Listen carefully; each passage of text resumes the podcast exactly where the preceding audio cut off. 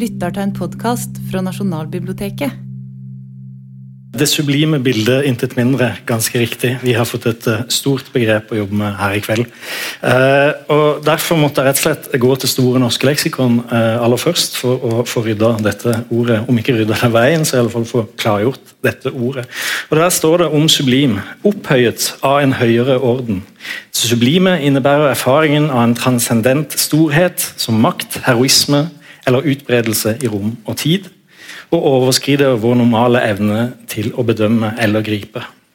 I dag blir sublime ofte forstått som synonym til skjønn, mens tidligere tenkere har skilt skarpt mellom de to. Eh, dette er altså et eh, begrep som har en lang idéhistorie, helt tilbake til antikken. Men for enkelhets skyld så tror jeg vi sier at vi her i kveld eh, snakker om det sublime bildet som det særlig interessante bildet, det særlig kraftfulle bildet. Eh, hva er det for noe? Og eh, De to i panelet som skal eh, snakke om dette, er allerede blitt introdusert. Og dere har også fått høre at de er aktuelle med hver sin henholdsvis film- og fotobok, fotoprosjekt nå i høst, som danner et slags bakteppe for samtalen. Så aller først så vil jeg rett og slett be de bare helt kort presentere Si litt mer om de prosjektene. Så Joakim, kanskje du kan begynne med å si litt om filmen 'Thelma'? Ja, takk. Takk for at dere kom, alle sammen. Jeg er veldig glad og veldig lettet over at jeg ikke skal forklare begrepet sublim ut fra sånn teori om Manuel Kant eller noe sånt. Så jeg har knapt artium, så det er veldig deilig å få slippe. Men, eh, men, takk for invitasjonen til å snakke om, om hva som gjør et godt bilde.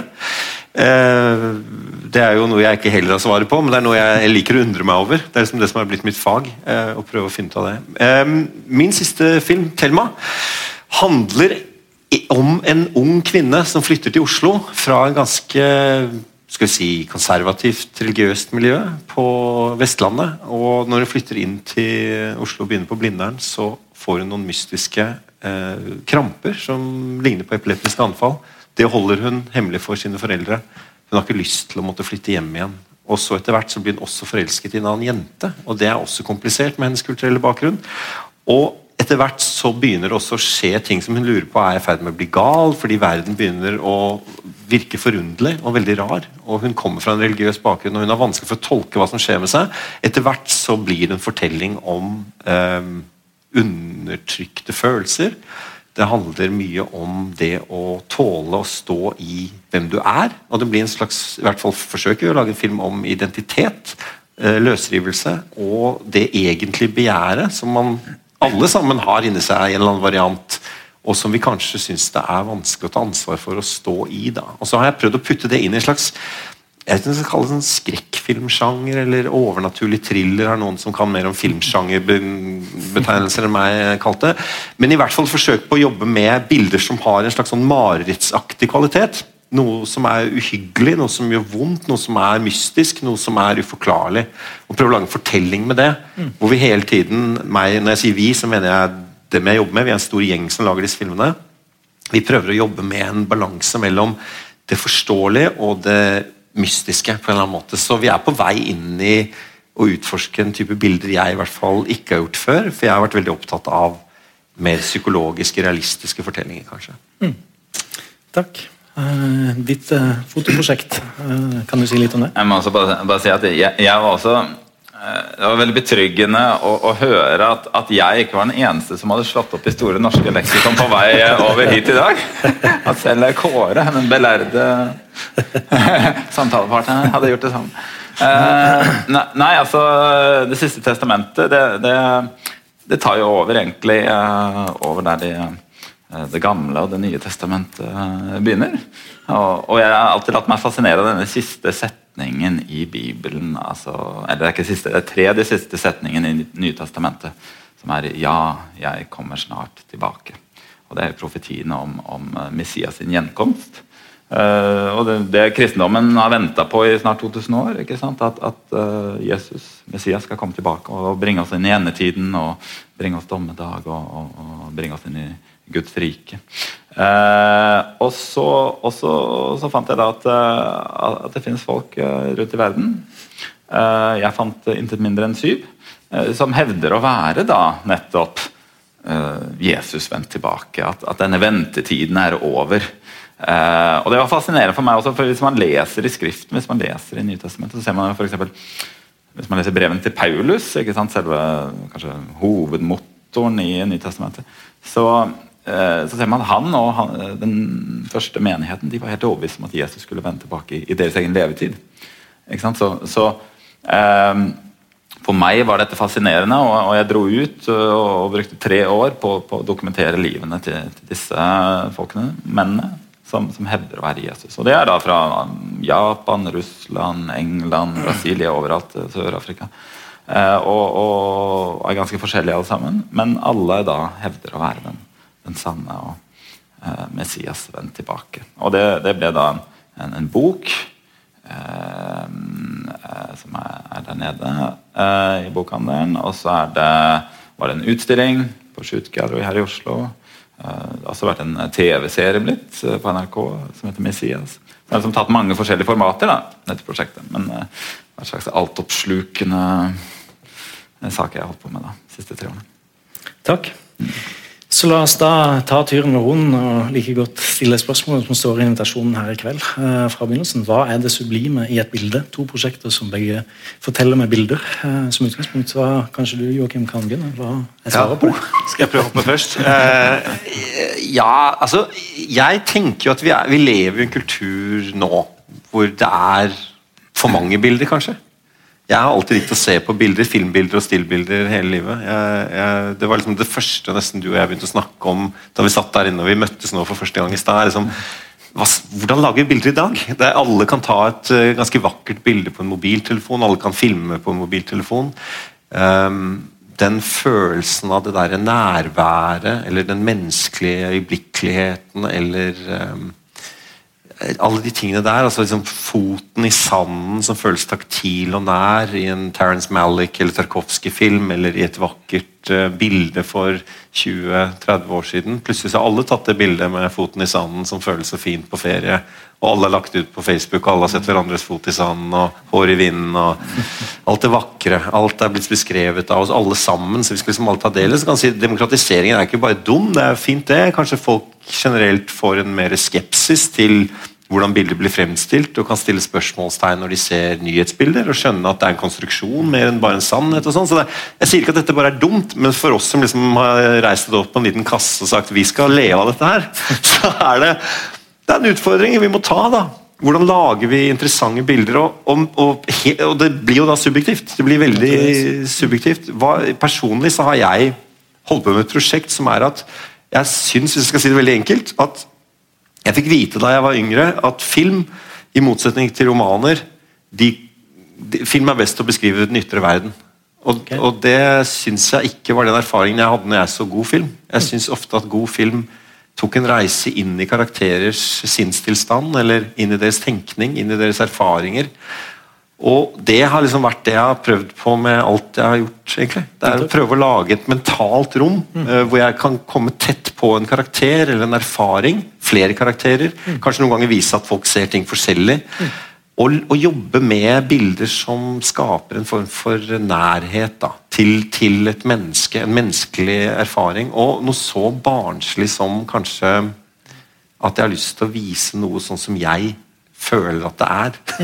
altså, sånn helt fundamentalt. Um, en, liten, en, liten, tanke var jeg var på det svenske filminstituttet og skulle, et, uh, skulle, snakke om noen ting for et par år siden. Og der sa um, Det var flere som holdt noen foredrag, og det mest interessante foredraget synes jeg var Det var en dame som hadde jobbet med um, barn i barnehage. Alle kamera, kameraer fins overalt. Hva, hva, hvilken film vil et barn lage på fire-fem år? Og så hadde hun tatt og gitt liksom, disse barna kameraer og sånn sagt liksom, hva, hva, Hvilken historie vil du fortelle meg? Hva vil du fortelle meg? Altså, og Barna var helt forvirret på det spørsmålet. Fortelle, eller, ja, men, hva, liksom, hva, er viktig for deg? Sånn, det er også veldig, veldig vanskelig spørsmål. Og så Til slutt så spurte hun dem hva vil du vise meg. Og da med en gang ah, ja, her borte, borte, i hjørnet hadde det vært en mus en gang. og Så prøvde de å lage kamera som en mus som beveget seg. Eller, eller, eller en del av sandkassen hvor de bygget noe, de skapte noe. liksom Bare vise noe. Og jeg, jeg, satt og hørte på det og tenkte faen, enten er jeg veldig barnslig, eller så er hun inne på noe veldig sant om hva bilder kan gjøre for oss. Og det er å vise noe frem. Til mm. skuelegge noe. Forhåpentligvis i sin kompleksitet. Kanskje til og med i en situasjon av undring for den som skaper det. Og Der er det mange valg å ta. ikke sant? Man kan jo lage bilder som er veldig lukket. Man kan lage filmer som er veldig lukket. Klare antagonister. Dette er pent, dette er stygt, dette er slemt, dette er snilt. Eller man kan prøve å finne ut av noe man selv syns er vanskelig å forstå. da. Og Det siste merker jeg at jeg tør å, å gjøre mer og mer av. Eh, Jeg vil jo gjerne at folk skal skjønne, og jeg vil være tydelig her og der, men, men liksom få lov til å prøve å ta folk med inn i en undring over hva det er å tolke bilder. da. Tenker du om hva, hva det sublime i et bilde er for noe? Ja, nei, altså Det er uhyre vanskelig spørsmål. Både det og forenklingen din. Liksom, hva, er, det gode bildet? Syns jeg er like vanskelig. Jeg syns det er kanskje enda vanskelig. Altså, jeg, nå er jeg på mitt 20. år som, som fotograf, eh, viser det seg. Og, og, og jeg, jeg, jeg skjønner mindre og mindre hva som er et godt bilde. Veldig eh, kjip situasjon, egentlig. Men, men det, er, det er fordi vi er omgitt altså, som Joachim sier, bare mer og mer bilder. Og, og liksom det, det, det berget bare vokser og vokser og vokser. Og, og på en måte jeg har god kontroll på hva det er, den tingen som på en måte ligner på den tingen som vi har alltid kalt et godt bilde. Det er veldig gjenkjennelig. ikke sant? Men det tas det jo så mye av. Og, og både profesjonelle aktører og amatører til alle gode bilder, og de legges ut på Instagram og Facebook. og hele tiden. Og, og, og på en måte, Det er ingen mangel på det. Eh, men, men det gjør jo at, at, at på en måte det eh, så mye ligner på det forventede, ikke sant? Og, og mye ligner på hverandre, og det liksom suger kraften ut av disse tingene. ikke sant? Og, og det som, som du sier, for, for, for, for 30 år siden framsto som liksom wow, en øyeåpnende bilde, ikke sant? Eh, på mange måter har mista sin kraft når du ser på det i dag. Eh, så, så det er en sånn prosess som jeg hele tida kjemper med. Det ligner, høres ut som det ligner veldig på det du snakker om. som bare liksom prøve å gjenoppdage hva, hva det er. Og, og jeg blir jo til at jeg reduserer det mer og mer til at jeg aner ikke hva det er. for Det kan være så mye forskjellig, men det er til slutt bare et bilde som på en måte gjør meg nysgjerrig. Eller gjør noen nysgjerrig. Eller får noen til å føle noe. Og det kan være på en måte eh, teknisk liksom sånn eh, komplisert utført, eller det kan være på en måte noe, noe egentlig noe veldig sånn shabby og, og på en måte mm, tilfeldig. Men at det, det, det griper an noens nysgjerrighet og, og, og får en, oppretter en emosjonell forbindelse. Eh, når det liksom det sublime, da tenker jeg jo kanskje litt sånn Da er vi mer på dette, liksom, dette, dette som, som skrider over i det overnaturlige og opphøyde ikke sant, utafor det dagligdagse. Og, og det har jo vært noe jeg har bala mye med de siste tre åra. Fordi for jeg har jo fotografert Gud ikke sant, opp og. Og, og, og da, da, da henger det liksom på greip at alt dette skal bli veldig, veldig sublimt. ikke sant? Eh, Det, det er vel hva forventningen skal være, i hvert fall. Eh, Og, eh, og det har jo vært liksom veldig interessant for meg. fordi det er et eller annet men når man da skal fotografere det, det er hvert fall påstått guddommelig, da, med da dette formatet vi da bruker i dag, ikke sant? Det, på en måte i Instagrammens verden, fotografiet, noe så enkelt, så kommer disse tingene veldig på kollisjonskurs. ikke sant? Dette med liksom det opphøyde og det verdslige. Det dagligdagse versus det guddommelige. Og, og den kollisjonen eh, liksom, følte jeg gikk veldig i bildene. Eh, de av mine bilder som refererer til det eh, det som på en måte ligner på disse renessansemaleriene? Med, med, kjortler og sandaler og Jesus oppe i skyen. Liksom.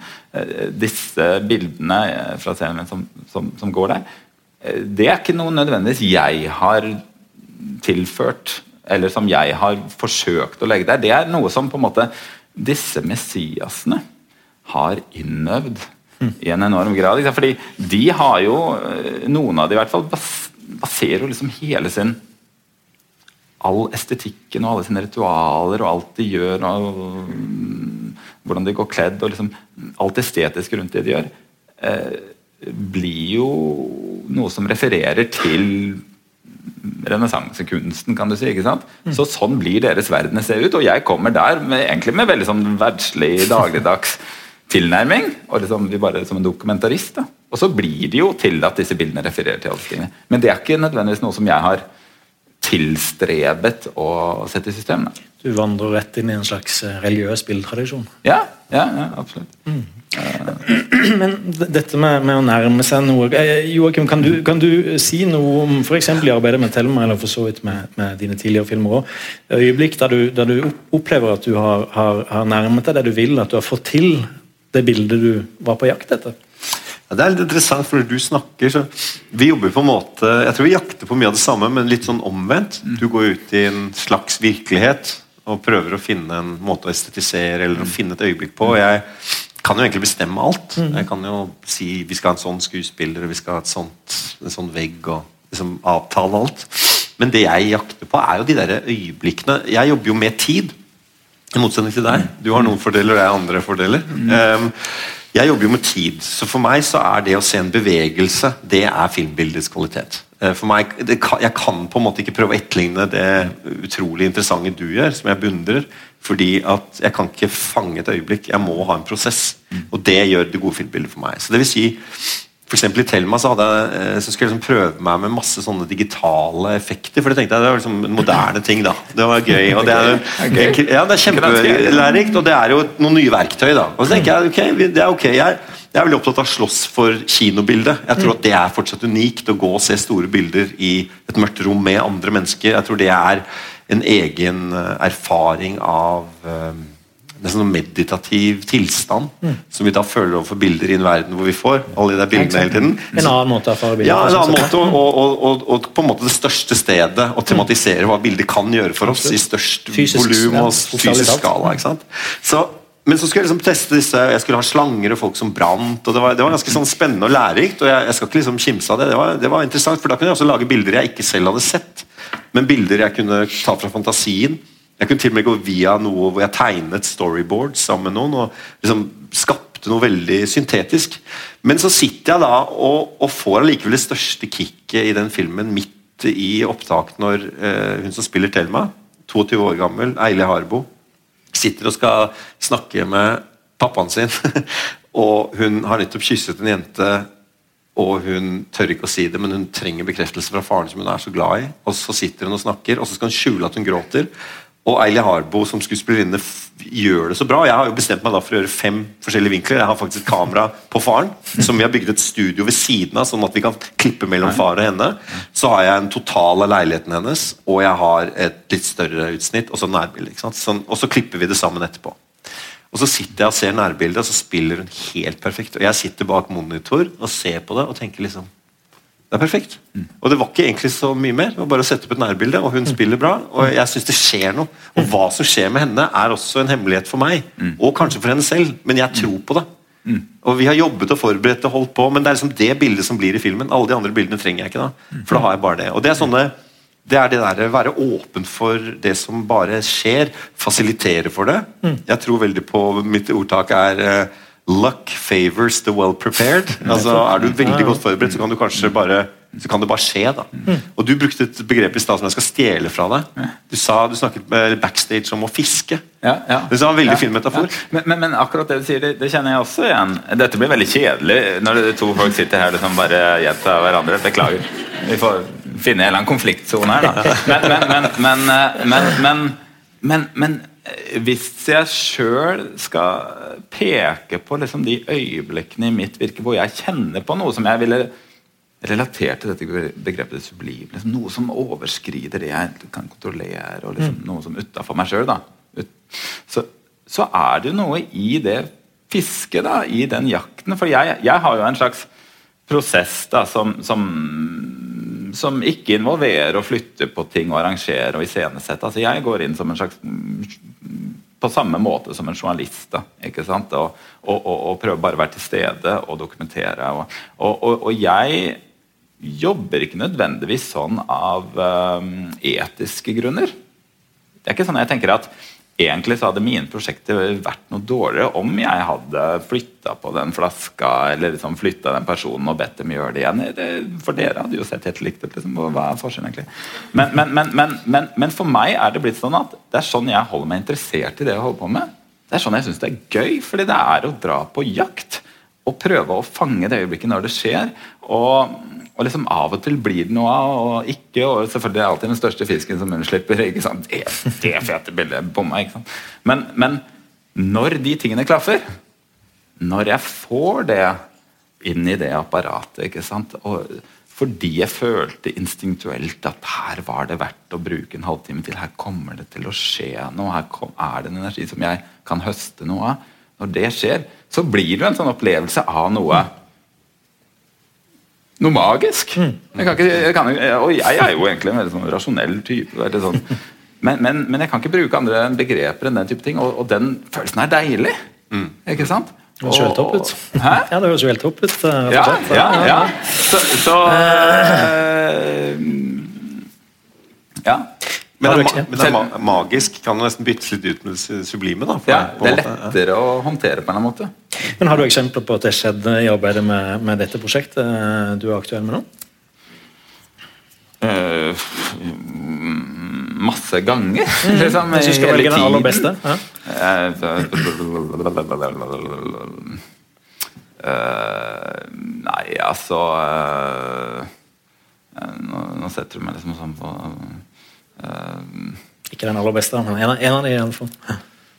jeg, jeg kan bruke et annet eksempel, ikke fra dette prosjektet, for nå, for nå liksom fikk jeg sånn uh, brain freeze når du drev og stilte meg til veggs. Men jeg, jeg har en som jeg pleier å bruke, så den husker jeg. Og det er et annet bilde som, som på en måte er kanskje mitt mest uh, kjente bilde, da, som er det som er på forsiden av den andre boka mi, 'Satellite', uh, som er ja, vanskelig å beskrive. Altså, så okay, det, det, det, er et romskip som må dette ned fra himmelen, og så er det noen folk som, som, som uh, skjærer opp dette romskipet dette er på grensen av Kasakhstan og Russland, og skjærer det opp i små biter for de skal mm, selge skrapmetallet. Og så, og så har det uh, vært uh, storm, så du har stormskyr i bakgrunnen, så plutselig kommer da på en måte sollyset dundrende ned og lager den mest fantastiske kontrasten. Og jeg står der, og alt dette skjer på en måte uten at jeg eh, gjør noe, og så plutselig kommer det eh, tusenvis av, hvite sommerfugler fra intet. Og liksom bare sprer seg rundt alt det her. ikke sant? Og jeg står jo der som en dum nisse ikke sant, og ser på dette her. Og, og jeg er faktisk så dum eh, at eh, at, at Dette var jo i de dagene vi jobbet med film. ikke sant? At jeg eh, tok bare en halv rull film mens alt dette her eh, foregikk. Eh, Jeg skjønte ikke engang at, at det var så himla spesielt. ikke sant? Og, og, og på en måte av, av akkurat det bildet som ble det mest sånn spektakulære bildet, det er jo kanskje det mest spektakulære bildet jeg noen gang har tatt, eh, så tok jeg tre bilder. Klikka tre ganger. For jeg, altså, jeg, jeg var for dum. Og så så da føler jeg jo veldig at liksom det var en slags magisk kraft som tok over greia. For, for jeg naila det jo på en eller annen måte da, i en av de tre. Selvfølgelig hadde jeg kommet til det i dag med den erfaringen jeg har, hadde jeg liksom eh, fotografert eh, rull etter rull etter minnekort etter minnekort. Men, men den situasjonen kjenner jeg jo fortsatt i magen når jeg ser på det bildet. Som at, eh, hvordan skjedde det?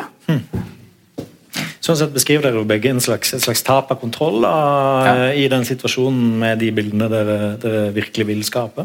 Ja, men, men jeg tror det er og jeg tenker liksom dette er en unik sjanse. Ofte når jeg skal snakke om filmen min, så, blir jeg, så ender man opp med å snakke veldig mye om akkurat den filmen. Men nå, nå blir jeg veldig interessert i det du snakker om fordi vi snakker om noe veldig fundamentalt. som Kanskje er det mange her som også tar bilder selv eller lager film selv. Eller kanskje vi alle har følt på behovet for å fange minner. da. Jeg tenker at Det er liksom en fundamental ting. og Derfor tillater jeg meg nå under banneren sublim å gå inn i en eksistensiell betraktning. at Det må være lov. jeg, jeg, har, jeg har etter hvert eh, holdt på med dette en del år og møtt ganske mange folk som er enten fotografer eller eh, filmskapere. Og En ting man ofte har felles, og det er jeg litt nysgjerrig på å høre litt fra deg om også, det er forholdet vi har til minner. Fordi at igjen, på et helt sånt fundamentalt nivå, så er det å ta et bilde også en reproduksjon av den eh, mentale, dype, dype dype erfaringen vi alle har av å forholde oss til minner. Jeg vet at jeg som barn var obsess med minner. Jeg husker fortsatt at jeg som femåring satt på en lekesykkel, trehjulssykkel, i, i, eh, på Gaustad, var jeg gikk i barnehage. Det er lov å le.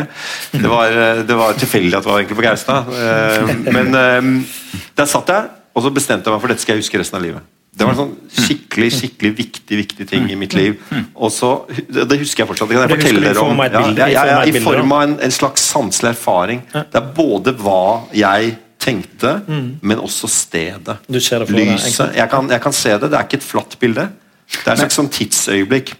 Men, men når du snakker om bilder og minner, har du minner i levende bilder eller i stillbilder? Ja, men det er det at jeg og her er greia, Jeg tror ofte jeg tenker minner i rom. Ja, altså I en slags bevegelse hvor jeg kan flytte meg rundt. Hvis dere alle sammen tenker dere eh, barndomshjemmet deres, eller et sted dere vokste opp, hvor dere har bodd med familien deres, og så tenker dere dere inngangspartiet. Og så tenker dere dere, der var det en dør, det var et parti, det var et sted man hang tøy, kanskje. Og så tenker dere at der har dere opplevd kanskje at det var, Ofte så var det der det var en telefon, i hvert fall når jeg vokste opp. Og så Der har man fått en hyggelig beskjed, der har man fått en trist beskjed. Der har man sneket seg inn en gang. Der har man stått og hatt en samtale på vei som man gjerne ville bli i. Der har man vært skikkelig skikkelig lei seg, der har man vært skikkelig skikkelig glad, der har man vært forelsket, der har man blitt dumpa nesten. Altså, og alt det, Men jeg kan allikevel føle det rommet, og så kan jeg liksom bytte ut som sånne ark med tid. Forskjellige erfaringer i det rommet. Og da vet jeg ikke, Det er akkurat som det er noe tidsmessig der, men tiden flyter. Og, er sånn, og så er det også noe sånn stillbildeaktig, men det har ikke en avgrenset frame. Men, eh, men den erfaringen av å være barn og begynne å skjønne hva det der er, den vet jeg er linka opp med det ønsket om å lage film. Og jeg vet også, for å ta det helt ut, og nå får du unnskylde at det blir pretensiøst, men, men dette tror jeg faktisk på, jeg tror også at når vi skjønner at vi kan minne, så skjønner vi at vi kan glemme, og vi skjønner at tiden går, og vi skjønner at ting blir borte. Litt sånn som din erfaring av å ha et øyeblikk som er helt spesielt, og bare ta tre bilder. Heldigvis så hamstret du med deg nå. Det blir ikke glemt. Men du kunne ha risikert å glemme det, og det kan være en angst i deg. Eller at du ikke fikk nok med deg. og Det er en metafor for hva vi alle opplever i livene våre i gode øyeblikk. Og i det øyeblikket vi vet at vi kan huske noe, så kan noe bli borte. Og i det øyeblikket noe kan bli borte, så kan noen dø.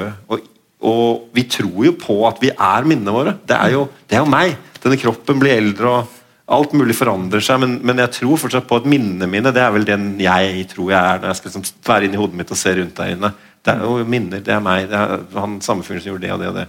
Så det er veldig fundamentalt, men det er også et møte for barnet å erfare minnet. er også et møte med døden. Er, jeg tror det. I hvert fall i mitt tilfelle så var det i den fasen Nå har jeg ironisk nok moren min, hun sitter her på første rad, så jeg kan spørre henne. Jeg tror det var i den fasen jeg også begynte å undre meg over at å shit, vi blir borte. Og jeg tror det skjer, jeg tror de tingene henger sammen. da. Og Dette samsvarer også veldig godt med mye billedteori som nettopp handler om fotografiets tilknytning til tid og i siste instans til død. da. Ja, gjør det ikke det? Og, og det er ikke bare for å si som alt handler om døden, men, men det er sånn fundamentalt, og det behøver ikke være veldig vondt heller. Det kan jo være veldig befriende å ta et bilde og liksom «Ho, Den sommerferien her kommer vi til å huske. Men men der, vi, vi fremstår som om det er derfor også liksom denne, denne enorme bildestrømmen vi, vi, vi ser skje der ute nå, den, den blir større og større og mer og mer kraftfull hele tiden på sosiale medier. og alt sånt. Det, det er altså Er det ikke, dødsangst? men, ja, men det, det framstår liksom som en slags konstant bekreftelse om at ja, jeg er faktisk her, og jeg fins. Og se, jeg fantes her, og se, jeg fantes der. og liksom jeg det er, det er noe med det er, det er noe veldig fundamentalt i det der. altså. Men jeg spør deg, dette med disse indre minnebildene Det er jo nærliggende å spørre om du husker i stillbilder, da, der han husker Ja. i romlige bilder. Ja, men Det var veldig interessant å høre på hva du sa, for, for jeg hadde vel egentlig konkludert for lenge siden at, at ja, minner foregår i stillbilder. Kanskje mer en slags soundtrack. da. Liksom, jeg, jeg hører mamma si det, men jeg ser det som og, og et stillbilde eller en veldig veldig kort film som er liksom en sånn halvt sekund. Nesten sånn som de nye iPhonene har. en sånn der, ikke sant? Er, ja, men Når jeg tenker tilbake til barndommen, så, så er det akkurat en sånn Bare en bevegelse og en stemme, f.eks. Men, men når du sier dette med rom, så kan jeg, jeg kan gjenkjenne den også. Eh, kanskje et slags tredimensjonalt stillfotografi, vil jeg kanskje si at Sånn tenker jeg på mine minner. Ja, ja. Mm. Kanskje med litt lyd. Ja. Av og til med litt lyd. Og det er jo mulig vi er forskjellige som mennesker òg, og at det gjør noe med hvordan du tar bilder, hvordan jeg tar bilder, og alle andre tar sine bilder. At det, det, det kan også være. Jeg har ikke peiling. Det er, jeg, som dere skjønner, jeg er veldig barnslig. Jeg er fortsatt opptatt av det store spørsmålet i barnehagen. Ser du samme blåfarge som jeg gjør? Jeg, jeg syns det er veldig interessant. Jeg blir aldri klok på det. Så, ja. Men nå har vi jo snakket om disse indre bildene og deres eh, betydning for, for eh, den typen bildeproduksjon dere driver med i dag. Da. Var det også møter med andre bilder som, som, da dere var unge små, som var særlig viktige for at, at dere endte med å jobbe med bilder seinere? Kan dere huske konkrete møter med det være seg bilder i, i familiealbumene eller berømte malerier, altså hva som helst, som, som, som dere husker, som var viktig på noen måte? Jeg kan ikke si at jeg på en måte hadde en sånn aha-opplevelse. Jeg på en måte har en følelse på at du har, har hatt det.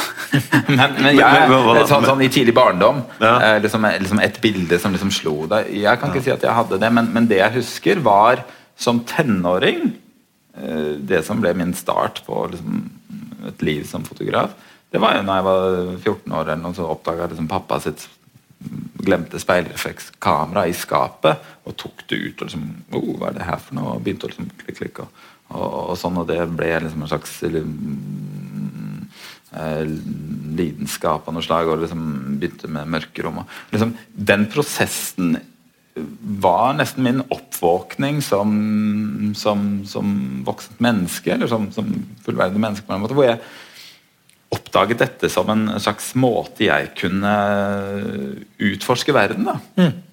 Eh, så det var kanskje ikke ett bilde, men det var den prosessen mm. Mm. av å bevare disse tingene som jeg observerte, disse tingene som jeg følte, og, og prøve å fange det inn i den boksen.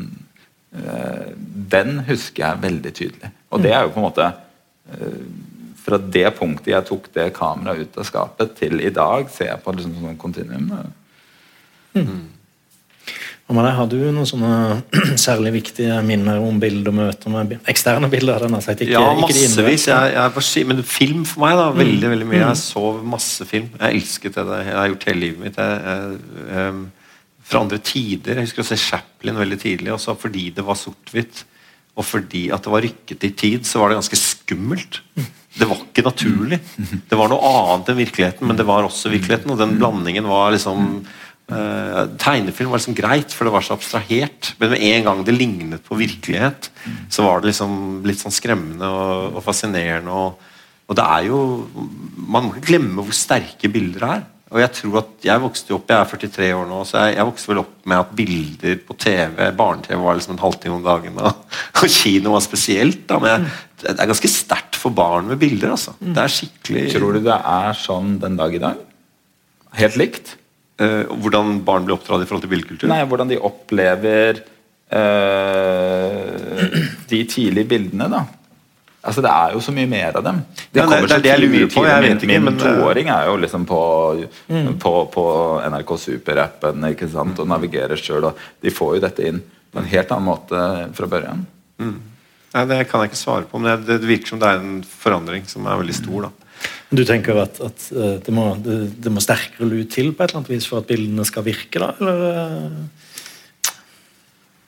Jeg tror ikke løsninga på liksom denne, dette berget med bilder er liksom eh, eh, mer bilder, eller mer ja, kraftfulle bilder i seg selv. Jeg tror den kampen på en eller annen måte er litt sånn Den, den er tapt. Det er ikke der slaget står, på en måte. Jeg tenker sånn Skal man eh, nå inn til folk, eller skal man kommunisere med folk, så er det egentlig ikke på planet eh, gode bilder eller ei.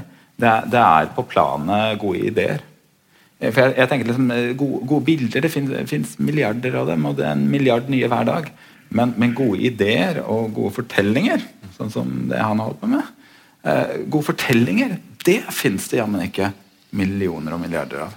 Og, og, jeg tenker det er på en måte bildets funksjon i den gode fortellingen. Der!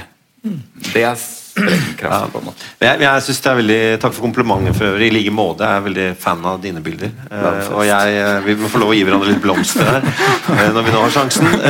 Men, men, det jeg vil si, er at vi snakker om det sublime fra et begrep fra en kultur hvor man tenker at det transcendentale er religiøst eh, hva skal vi si, har kontakt med det, det større, Større enn oss. Ja, ja. Større krefter. Og jeg er ateist og tror jo at de største kreftene i verden jeg er opptatt av, er indre, utgrunnelige ting inni mennesker. Da.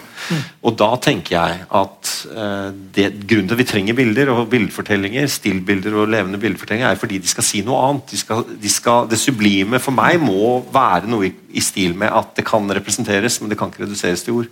Eller, eller det er unikt for det uttrykket. Dette kan du bare gjøre med ditt bilde. Og, og, og vi kan sitte og diskutere det i uendelig tid, men, men det vil ikke kunne reduseres. da. Og sånn tenker du med dine egne filmbilder også? Altså Drømmen er jo og Det er veldig komplisert, for vi er også inne i en, i en kulturindustri hvor uh, på den ene siden er det veldig hyggelig å bli invitert til å snakke om det man har gjort, og på den andre siden så er det vanskelig, fordi det er jo en del av en salgsmekanisme. og jeg har vel erfart at uh, Og det er litt sånn komplisert, men at det å snakke om det jeg har gjort veldig enkelt i, i et oppslag hvor det er mer fokus på at man får sett plakaten, selger kanskje noen ganger ting bedre enn hvis jeg skal liksom prøve å forklare det, fordi det for meg selv også er litt mystisk. Hvis jeg får til noen øyeblikk jeg, jeg setter pris på selv, så er det kanskje fordi jeg ikke helt klarer å si hva det er. Og sånn opplever jeg et godt bilde òg. Det er liksom noen bilder fra din bok.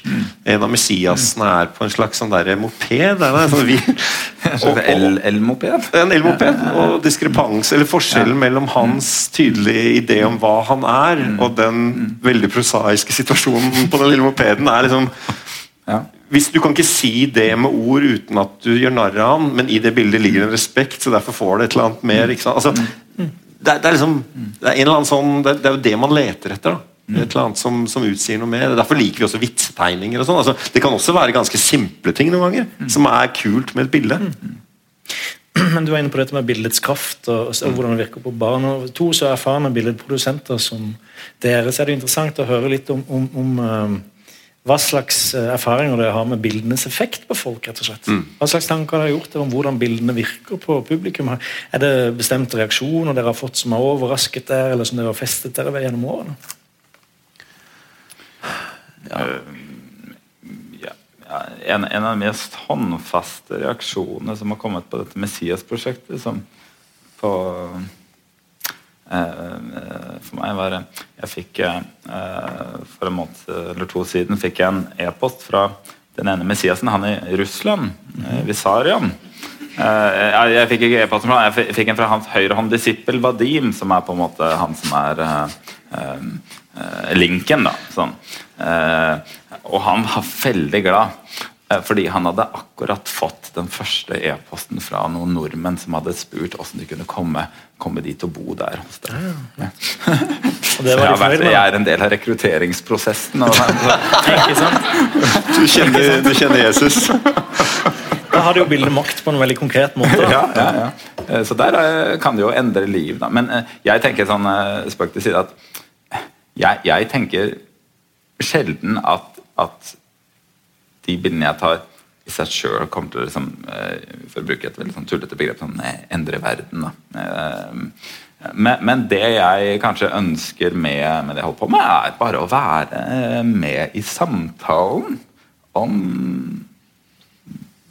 oss og samfunnet og hva vi driver med og hva vi tenker på og hva vi føler. og liksom at, at alle de prosjektene mine alt jeg holdt på med liksom, på en eller annen måte er med i en samtale. Og, og liksom hvor den samtalen går, det, det er jo ikke bare eh, meg. Ikke sant? Det er jo en slags kumulativ uh, ting. Hvor alle de forskjellige formatene og ting som blir snakka om, driver oss i en eller annen retning. Og jeg håper altså Det er kanskje bare liksom, Det er der min lille ambisjon er, at jeg er med i den store samtalen. Ja, det syns jeg er veldig sympatisk og veldig godt utgangspunkt. Å være med i samtalen. Og samtalen om bilder, da trenger vi jo bilder som hvor noen filosoferer og tenker og prøver å vise oss noe da, på en annen måte. Og det er jo et håndverk og en nøysommelighet i det òg, som, som du for tar med deg, som gjør at jeg kunne aldri gått og møtt dine Messias-venner og tatt de samme bildene. Så jeg tror jo også på at vi fortsatt må tro på det subjektive. Vi jobber jo i tradisjoner med ting. ikke sant? Og det er, veldig, det er veldig morsomt, selv om vi jobber i tradisjoner. Så av og til så kanskje vi treffer noe hvor vi kanskje gjør en feil som gjør at det blir annerledes. eller jeg, jeg hadde, Du spør om, om uventede reaksjoner. Jeg lagde en film for elleve år siden som heter 'Reprise', som handlet om forfattere i Norge. To unge fyrer ville bli forfattere. Og i den, så, så bare som en referanse til, til liksom forfattere Eskil Fugt, som jeg skriver med, og jeg syns var kule, så fant vi opp en karakter som het Sten Egil Dahl. Som var en sånn eh, blanding av Maurice Blanchot, Tor Ulven og J.D. Salinger. Liksom alle de der gamle forfatterne som, som snek seg unna offentligheten. Og holdt seg for seg selv og skrev, og som vi liksom syntes var kule. Og da jeg reiste på sånn presseturné med den filmen og kom til Polen, så var det en polsk journalist som uh, mente han hadde lest Sten Egil Dahl. Det var så hyggelig at vi hadde, endelig noen hadde vist ham min film. og jeg bare nikket og tenkte wow, så gøy. Altså. Så, og jeg ville ikke ta fra ham den erfaringen.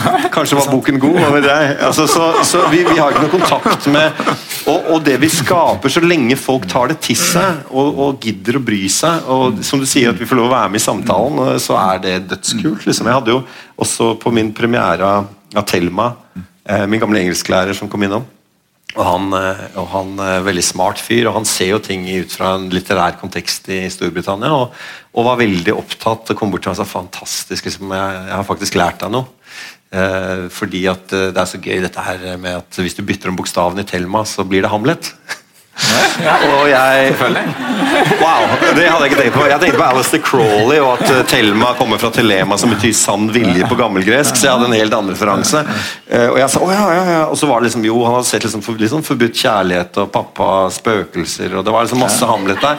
Og, og, og han, hadde, han, var mye smartere enn meg. Ikke, altså Det er mulig. Så vi, lager, vi sender jo noe ut hvor vi ikke helt vet hva vi gjør òg. Og hvis det kan bety noe for andre, så topp, liksom, tenker jeg. Og, og det er jo noe av det vakre det hele hele er at eh, du, du når du gir fra deg dette kunstverket, liksom, når du sender det ut der, så, så, slipper du jo den kontrollen. Og, det er enda et ledd der hvor det, liksom, det, det skjer kanskje ofte en, en, slags magi i det du, du, du slipper kontrollen i mm. prosessen. Da. At eh, jeg kontrollerer jo ikke lenger åssen folk ser det. ikke sant? Mm. Og eh, og der er det så mangt. altså Bare i dette Messias-prosjektet. Jeg, jeg, får jo I min innboks eh, så er det veldig mye forskjellig om dagen. Da, ikke sant? Og, og noen lar seg begeistre, og noen ser det som religionskritikk, og noen ser det som en feiring av tro. ikke sant? Og, og, og, uh, Det er liksom Alle de forskjellige leirene reagerer på det forskjellige. da, og, og og, det er på en måte en del av kunstverket, da, den prosessen mm. som skjer der ute. Og, og, hvis han leser da Hamlet inn i det, det, det, er på en måte eh, da, da, skapes jo på en måte kunstverket på nytt. Eh, jeg er veldig glad i å slippe den kontrollen, da, for å si det sånn. Men når det gjelder dette med bildets kraft, så er jo, er jo kanskje særlig dette med religiøse bilder ekstra interessant. For vi lever jo i en tid der bilder knyttet til religion viser seg å ha en, en veldig potensiell uh, sprengkraft. Eh, og Kan du si litt om det? For Ditt prosjekt går jo særlig inn i en religiøs bildetradisjon. En, en tradisjon for å avbilde Jesus, f.eks. Mm. Hvordan har du tenkt rundt de, de tingene der? Nei, det, det, er jo litt som jeg sa i begynnelsen, at, at jeg var nesten litt redd for å komme hit uh, når datoen nærmer seg. For jeg, jeg kommer på liksom at uh, jeg tenker jo egentlig ikke så mye over disse tingene. Uh, litt sånn flaut å si foran dere alle, men, men, men for å si det sånn Jeg tenker over hva jeg holder på med før jeg går ut og skaper, før jeg går ut og har min prosess. Da, ikke sant? Eh, kanskje leser Bibelen opp og ned, og leser religiøs uh, forskning og alt det her. Og det bare skaper en slags ballast i meg.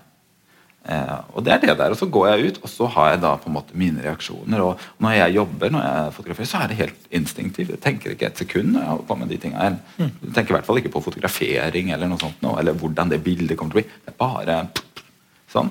Uh, og så tenker jeg heller etterpå, når jeg kommer tilbake med da, den fangsten, mm. og, og, ser og så, liksom skapes jo Disse historiene skapes da på redigeringsbordet. Uh, uh, og, og, som jeg sa, liksom det, dette med avbildningen av Jesus sånn, Der er det også litt sånn at Der har jeg prøvd å la deres hvordan deres manifestasjon av liksom disse ikonografien og alt det her utspiller seg hos dem, at jeg har prøvd å bevare den som er sånn. Uh, og Derfor er disse avbildningene av disse Jesene ganske forskjellige.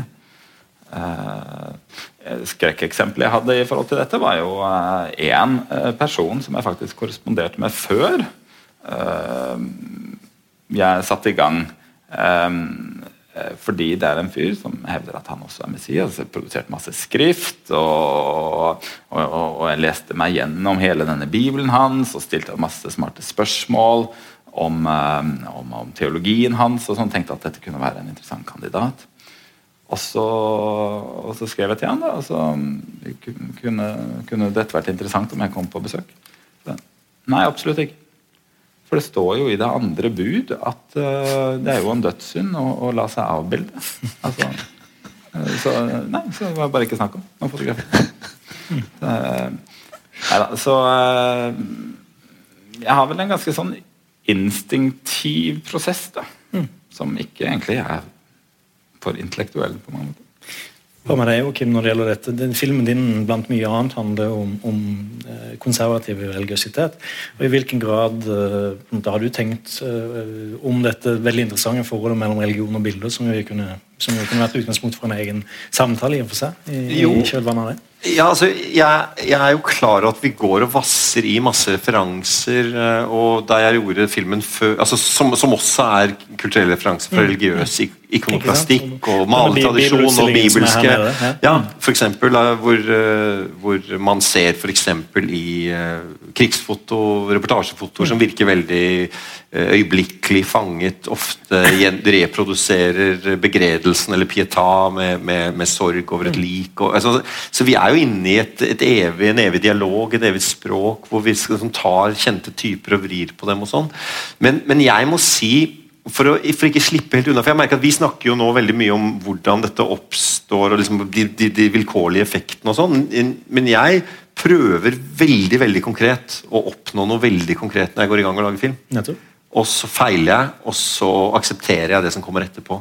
Og så blir jeg takknemlig for noen som kommer og føler at det hadde noe med Hamlet å gjøre. Mm. Men jeg, jeg, prøver veldig konkret å faktisk å fange Hva er det du feiler med? Nei, eller hva skal jeg si, hva skal jeg si? Nei, ja, men Det er da også den avsløringen eller det. ikke sant? Jeg, jeg tror veldig på at vi bruker um, I motsetning til folk som jobber med litteratur, som kan skrive alt, eller med malerkunst, som kan på en måte skape det helt fra null til noe, så jobber vi med det man kaller uh, mimesis, eller at vi speiler noe som ser ut som virkeligheten. Mm. Vi går ut der ute. Uh, noen folk lager tegnefilm, som sagt, og i større og større grad blir ting digitale i mitt felt, men jeg liker veldig godt å Her er et menneske, her er et tre, her er vinden, her er det en fugl. Jeg liksom, kan jeg bruke det og hamstre det inn, og så prøve å kode det til mening? Mm. Ikke gjennom symbolisme, for det er jeg ikke så opptatt av. Jeg er ikke så opptatt av å lage en kode som er låst. Mange har spurt meg det er slanger i den nye filmen min. Ja, det er bibelsk, det er fristelsen, det er djevelen. Nei, det kan også være fordi i ørkenen, for de som bor der, betyr det noe. I Egypt betydde slange noe annet. Jeg liker slanger, de er vakre og skumle. Det må også bare være det det er. ikke sant? Og så kan det også få symbolske verdier, avhengig av tolkning. Men, men jeg prøver hele tiden å lage koder. altså her er Thelma i første scene, gjør hun sånn og sånn, og så skjer det, og så er det et vendepunkt. Jeg prøver å konstruere det. Jeg prøver å tenke hvorfor skal jeg se på henne sånn nå? Nå venter vi med nærbildet til dette øyeblikket. Bom, da klipper vi inn i nærbildet. Altså, jeg prøver å jobbe bevisst med et språk hele veien. Og så sitter jeg og klipper det, og så kommer det med feiling, og da innser jeg at det jeg har fanget, var ute av min kontroll hver gang. Til en viss grad. Noe kontrollerte jeg, annet ikke. Og så prøver jeg å redde meg og konstruere og vise det til folk og høre hva betyr det og, og så, så, det er en sånn evig mm, sterk vilje, eh, famling, sterk vilje, famling, sånn dynamikk i meg hele tiden. Mm. Og, og, og, det er mm, Så når jeg ser et, eh, et fint, en god film eller et godt bilde, så, så, så, tenker jeg ikke at det er vilkårlig. Jeg tenker at det er opptrent eh, kamp og håndverk og intuisjon og masse greier. og jeg tenker vi, vi, vi, kanskje skylder publikum et øyeblikk å bare snakke litt om det òg. Bare vår intensjon òg, så det ikke mm. høres ut som alt bare er uh, jeg, jeg, tenker på deg, da, for, fordi det er tydelig at du, du står akkurat der med kameraet istedenfor der, og det gjør at du finner det bildet. Altså, hvordan har du trent? Kan du se en utvikling i ditt arbeid fra du startet til nå? Kan du analysere det, eller vil du ikke gjøre det? Jo. Ja. For det må jo være en kjempehåndverksmessig utvikling, ja, vil jeg tro? da. Ja, selvfølgelig utvikler seg sånn, men men uh, uh, Ja, nei, altså det Jeg syns det er kjempe jeg driver jo og underviser i det greiene her innimellom. ikke sant? Jeg blir jo dratt ned her og der på skoler og skal liksom undervise i fotografi. Jeg syns det er dritvanskelig, fordi eh, eh, mye av det er liksom lite håndfast. Jeg har, jeg har ikke så mye å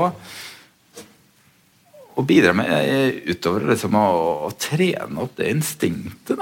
Mm, mm. Eh, det jeg kan si, er at eh, for meg så tenker jeg aldri i egentlig bildene når jeg er ute og jobber.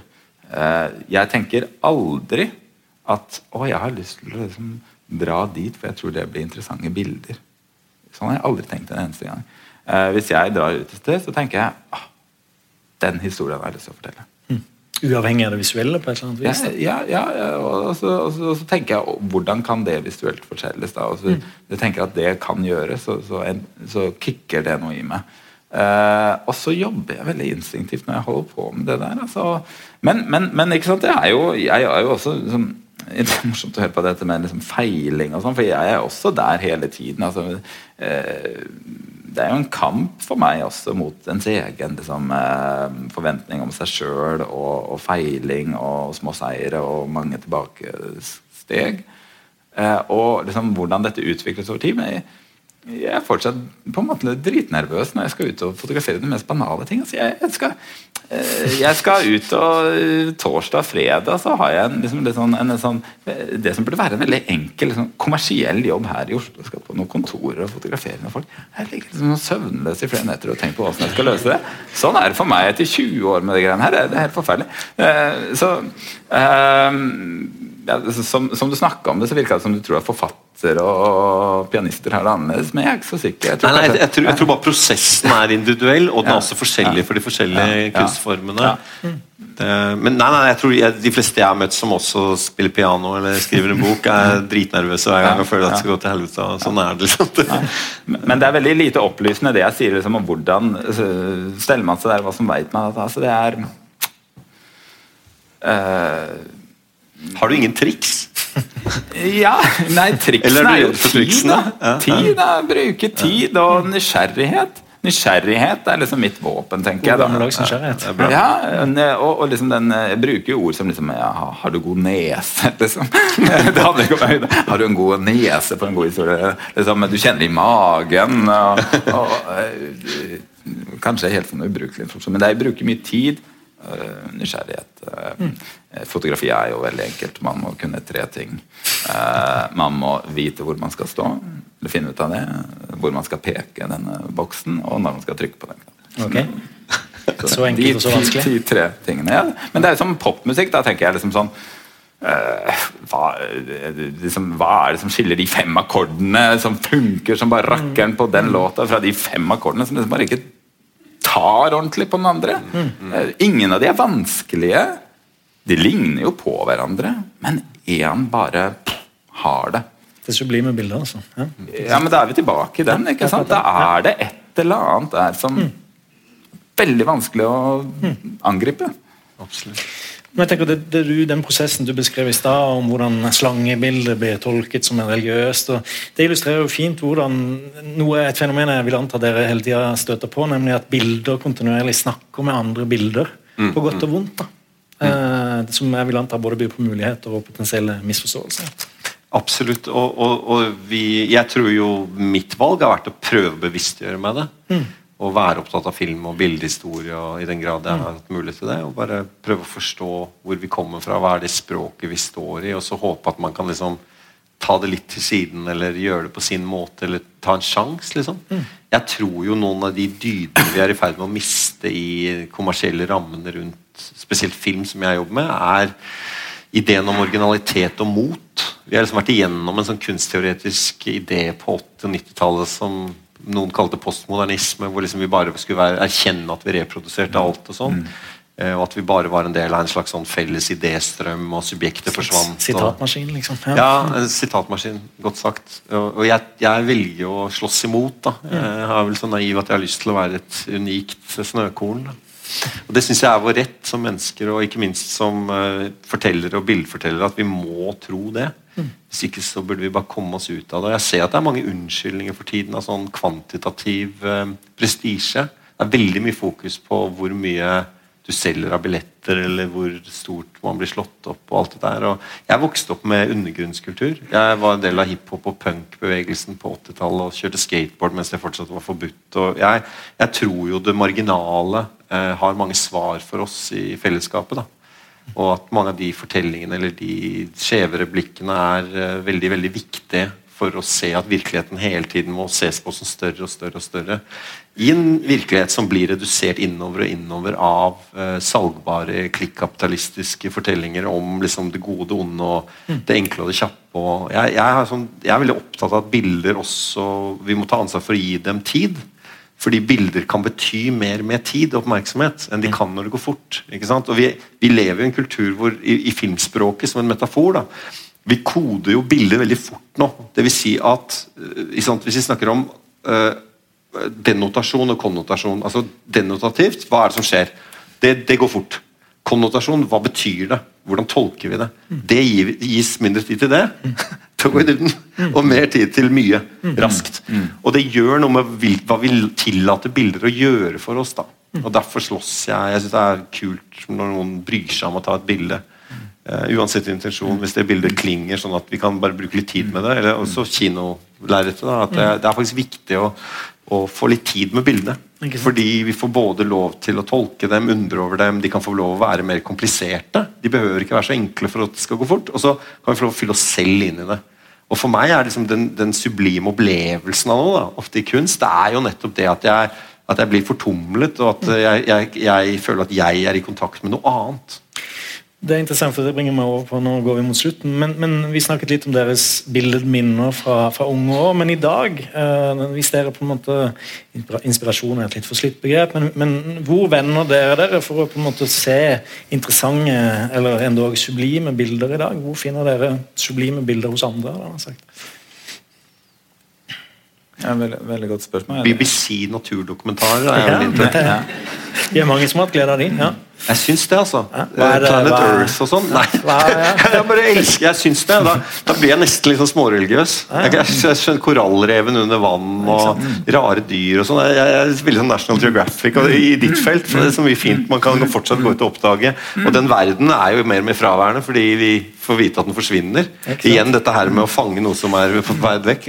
På vei vekk. Men, eh, men jeg går tilbake i historien nå. Jeg ser gamle filmer og gamle, samme på gamle fotobøker og syns det er gøy. Og så skal man ikke gi opp på at det kommer nye bilder til. Eh, og det er dødsspennende med Jeg går fortsatt og ser rare små filmer Som er nye. Også. på kino som er nye, og oppdager gang på gang at det er mye bra der ute. Selv om vi får vite av avisen og folk rundt oss, gjerne i min generasjon, som begynner å bli eldre og si at nei, det er ikke noe bra lenger, og sånn, så må vi liksom holde, holde ut, fortsette å være nysgjerrig. Og det virker jo når jeg ser på publikum, eller det virker som folk når de er mer voksne i vår kultur, altså eldre, når de er eh, opp forbi 50 og 60 kanskje, at der er det fortsatt en stor nysgjerrighet for eh, film og kultur og sånne ting.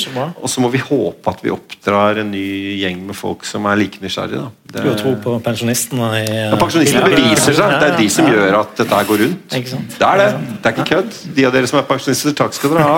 Jeg hadde ikke fått lage film hvis det ikke var for dere. og det er Sånn er det. altså.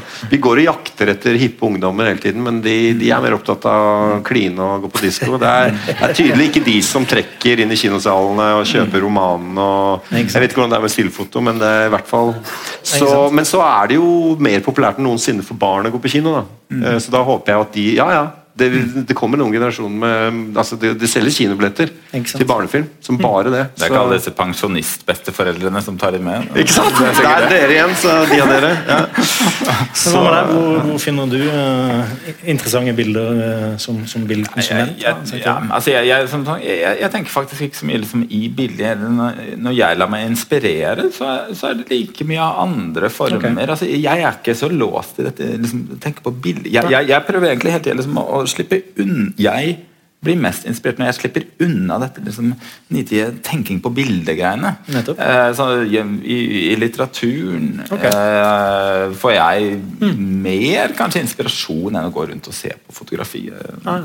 Eh, lese bøker, eh, The New Yorker liksom, altså, sånn, God litteratur, god eh, sakprosa eller god musikk eller god film. Eller hva. Eh, søker det overalt. Fra naturen. Eh, hvis du snakker sublime bilder, så er det mye av meg sjøl ute i naturen. Jeg har en sånn enorm trang til å være ute i naturen. Der lader jeg batteriene. Hvis jeg skulle tenkt på fotografi Jeg tenkte litt på det på vei opp fra Nesodbotn opp hit. Liksom, hva, hva, hva vil jeg trekke frem som liksom noe på det sublime planet jeg har sett i det siste av fotografi? Én ting som, som kom opp det, liksom, eller det var en av de første tingene som kom opp i hodet mitt. Da, så jeg ville trekke frem. Det, det var en slags en bok som kom ut for ti år siden. En fotobok som heter A Hundred Sons. Okay. Som er et slags samleverk av en fotograf, skribent som heter Michael Light. Eh, som er rett og slett Han har tatt eh, dokumentasjonsbildene amerikanske forsvaret lagde av atomprøvesprengninger. Så det er 100 atomprøvesprengninger, og så ser man bare i svært format disse eksplosjonene. Og liksom da, ja, eh, Et eller annet ved det verket, og liksom den kraften og den øde, guddommelige ødeleggelseskraften eh, som er i de bildene. Som gjenspeiler vel også det han Var det Oppenheimer som sa det idet han detonerte den første liksom, 'Nå er jeg i skiva The Destroyer Worlds'. Eller noe sånt. Eh, den boka er litt sånn Så det er litt sånn rare ting som kanskje er litt utafor det jeg driver med, som er liksom sånn mm, dokumentasjon av liksom, mennesker eh, Kanskje i, i noe av det mer abstrakte innen fotografi. da, Litt sånn Sugimoto, hvis noen kjenner liksom, veldig sånn ah, abstraherende Litt sånn utafor det menneskelige. Kanskje der finner jeg det jeg vil relatere til det konseptet vi kom ble dratt hit i dag for. Da, liksom det sublime. Men da, Vi er allerede over tida vår, så Ja, jeg synes det var et uh, veldig godt uh, en god uh, Sirkelen er sluttet. Et godt sted å slutte. Så da Det var veldig hyggelig, forresten. Ja, det må jeg si. Ja, ja, ja, jeg kunne hørt på deg resten av kvelden. ja, liksom. Da sier jeg tusen takk til dere begge to, og tusen takk til publikum.